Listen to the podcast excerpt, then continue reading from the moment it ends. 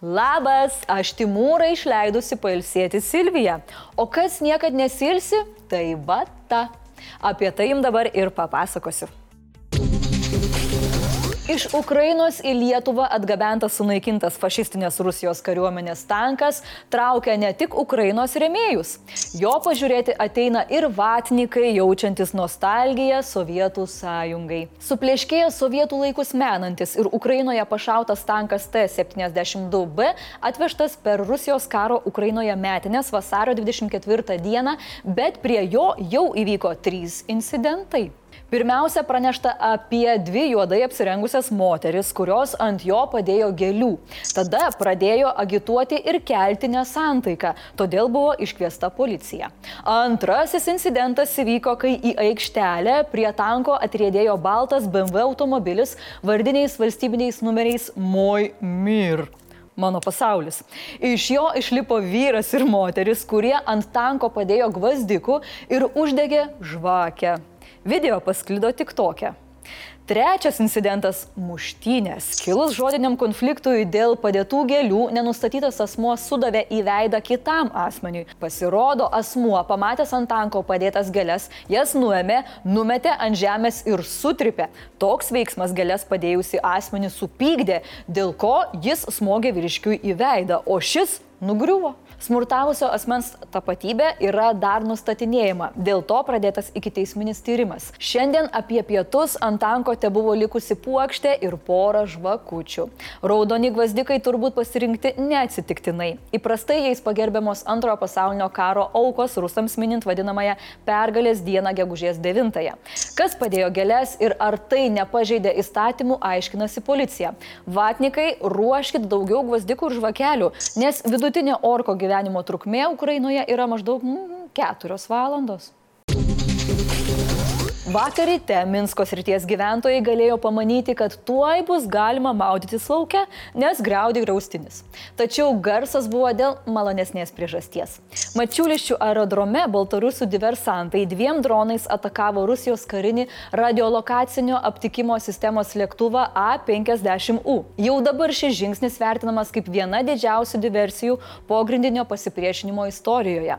Gautomis žiniomis orlaivis smarkiai nukentėjo ir pasak šaltinių, na, tikrai jau niekur nebeskris.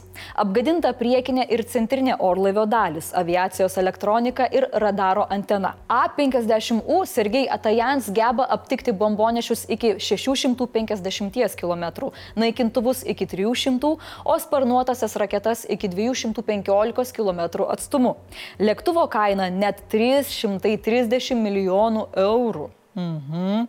Būtent jis padėjo renkti oro atakas iš Baltarusijos ir iš Krymo. Kitaip sakant, tiesiogiai prisidėjo prie invazijos į Ukrainą. Tokių lėktuvų okupantų šalis turi tik devynis ir šis buvo vienintelis Baltarusijoje. Labai smagu, kad rusams išdurtos baltarusiškos akis. O bulvių ir traktorių karalius surengė skubų posėdį, kuriame dalyvavo teisės saugos institucijų vadovai. Režimas intensyviai skenuoja socialinius tinklus ieškodami, kas džiaugiasi sprogimais. Baltarusijoje yra daugiau nei 10 tūkstančių Rusijos karių ir daug karinės technikos. Kaip sako Baltarusių opozicijos politikas Franakas Viečiorka, diversijos tikrai tęsis. Du diversiją atlikę vaikinai priklauso Pieramocha planui, kuris paskelbtas 2021 metais prieš netikrą Baltarusijos prezidentą Lukašenką. Jie jau kirto sieną ir yra saugus. Organizacijos veikla padėjo pristabdyti rusų kariuomenės judėjimą Kyvo link. Pieramochoje yra apie 200 tūkstančių žmonių. Tai labai labai stiprus signalas dvėjojantiems baltarusiams, o taip pat signalas režimui, kad žmonės nepasidavė ir kovos. Naktis Ukrainai vėl buvo nerami. Danguje užė rusų paleistos iranietiškos šiukšlės. Oro gynybos paėgos numušė 11 iš 14 paleistų dronų. Likė pridarė žalos. Žuvo mažiausiai du žmonės, dar trys sužeisti. Tuo tarpu dar ne iki galo deokupuotoje Hersono srityje sujudimas. Teroristai ruošiasi nešti kudašių iš laikinai okupuotų teritorijų, nes bijo, kad prasidėjus Ukrainos kontrapolimui visa Hersono sritis bus išvaduota. Keista tik, kad okupacinė valdžia nusprendė nuo ukrainiečių slėptis Kryme. Nu, kvailiukai, taigi to iš ten vėl reikės bėgti, nu. Ukrainos prezidento kanceliarijos vadovo patarėjas Mikhailo Podoliakas pareiškė, kad Ukrainos valdžiai nerūpi Rusijos nuomonė apie Ukrainos planus deokupuoti Krymą. Jis bus išlaisvintas nuo okupantų ir tiek paprasta. Greitai gali tekti bėgti ir iš Mariupolio. Junktinės karalystės gynybos ministerija teigia, kad Rusija greičiausiai nerimauja, nes laikinai okupuotame uostamestyje pradėjo skraidyti sprokstančios nuorukos. Mat, būdami už 80 km nuo fronto linijos, okupantai jautėsi saugus ir nepasiekiami. O per praėjusią savaitę Mariupolioje įvyko mažiausiai 14 sprogimų. O kol iš vienų teritorijų teroristai bėga, kitas vis dar bando užimti. Teigiama, kad suintensyvėjo rusų išpoliai Luhansko srityje. Šiuo metu aktyvūs karo veiksmai vyksta Svatovės ir Kreminos kryptimis, taip pat Bilohorivkos rajone. Kinija nusprendė, kad ir jai atėjo metas kažką nuveikti. Teigia kviečianti abi kariaujančias pusės taikai ir dialogui. Nors visi žino, kad taika įsivyraus tik kai paskutinis okupantas paliks Ukrainos teritoriją. JAV tokiomis Kinijos kalbomis nelabai tiki ir mano, kad ji vis dar svarsto apie ginklų tiekimą Rusijai. Todėl dar kartą ją perspėjo to nedaryti, nes pasiekmes gali būti labai skaudžios. Na ir užbaigime etatinio durniaus Dmitrijaus Peskovo pranešimu. Jis teigia, kad Rusija nemato jokių galimybių taikiai išspręsti situaciją Ukrainoje, todėl ir toliau tęs pradėtą karą, kuris tai aišku, kad einasi sėkmingai. Žodžiu, fantazijų pasaulyje nieko naujo. Rinkimams nenumaldomai artėjant daug dėmesio prašosi Kaunas ir jo imperatorius Visvaldas Matijošaitis. Štai Delfi išsiaiškino dar vieną Visvaldo schemutę - kaip uždirbti kuo daugiau pinigų miesto gyventojų sąskaitą. 2009-aisiais vos merų tapus geram Visvaldo draugui Rimantui Mikaičiui, o pačiam carui įsitvirtinus valdančiojoje koalicijoje, Vyčiūnų dukterinė įmonė Kauno Saulėtekis pasirašė sutartį dėl priekybos centro statybų. Tik labai nenorėjo statyti statyti didelio parkingo prie parduotuvės, nes reikėtų mažesnį pastatą statyti. Todėl sugalvojo tokį planą. Per visą turimą sklypą stato prekybos centrą, o parkingą perkelia į šalia esančias valstybinės žemės.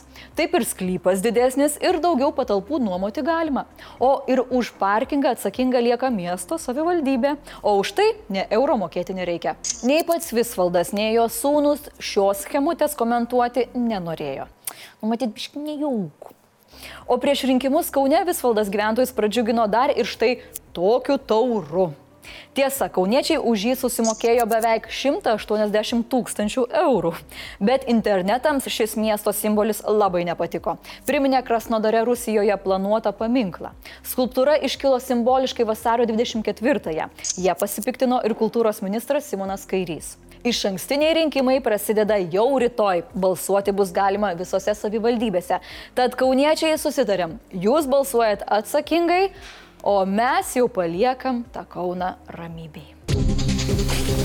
Blitz naujienos. Šnipinėjimu Baltarusijai įtariamas Vilnietis Mantas Danielius vėl suimtas.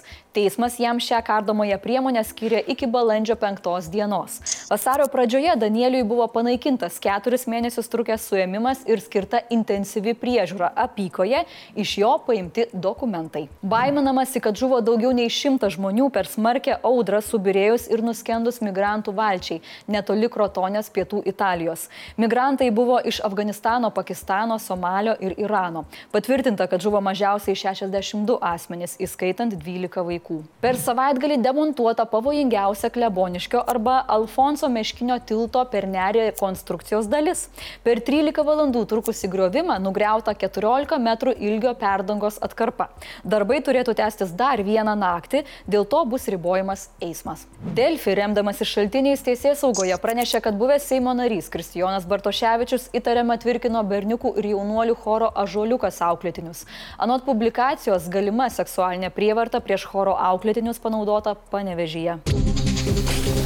O kaip jūs, mėlyjeji, pasitikot pirmadienį? Hm?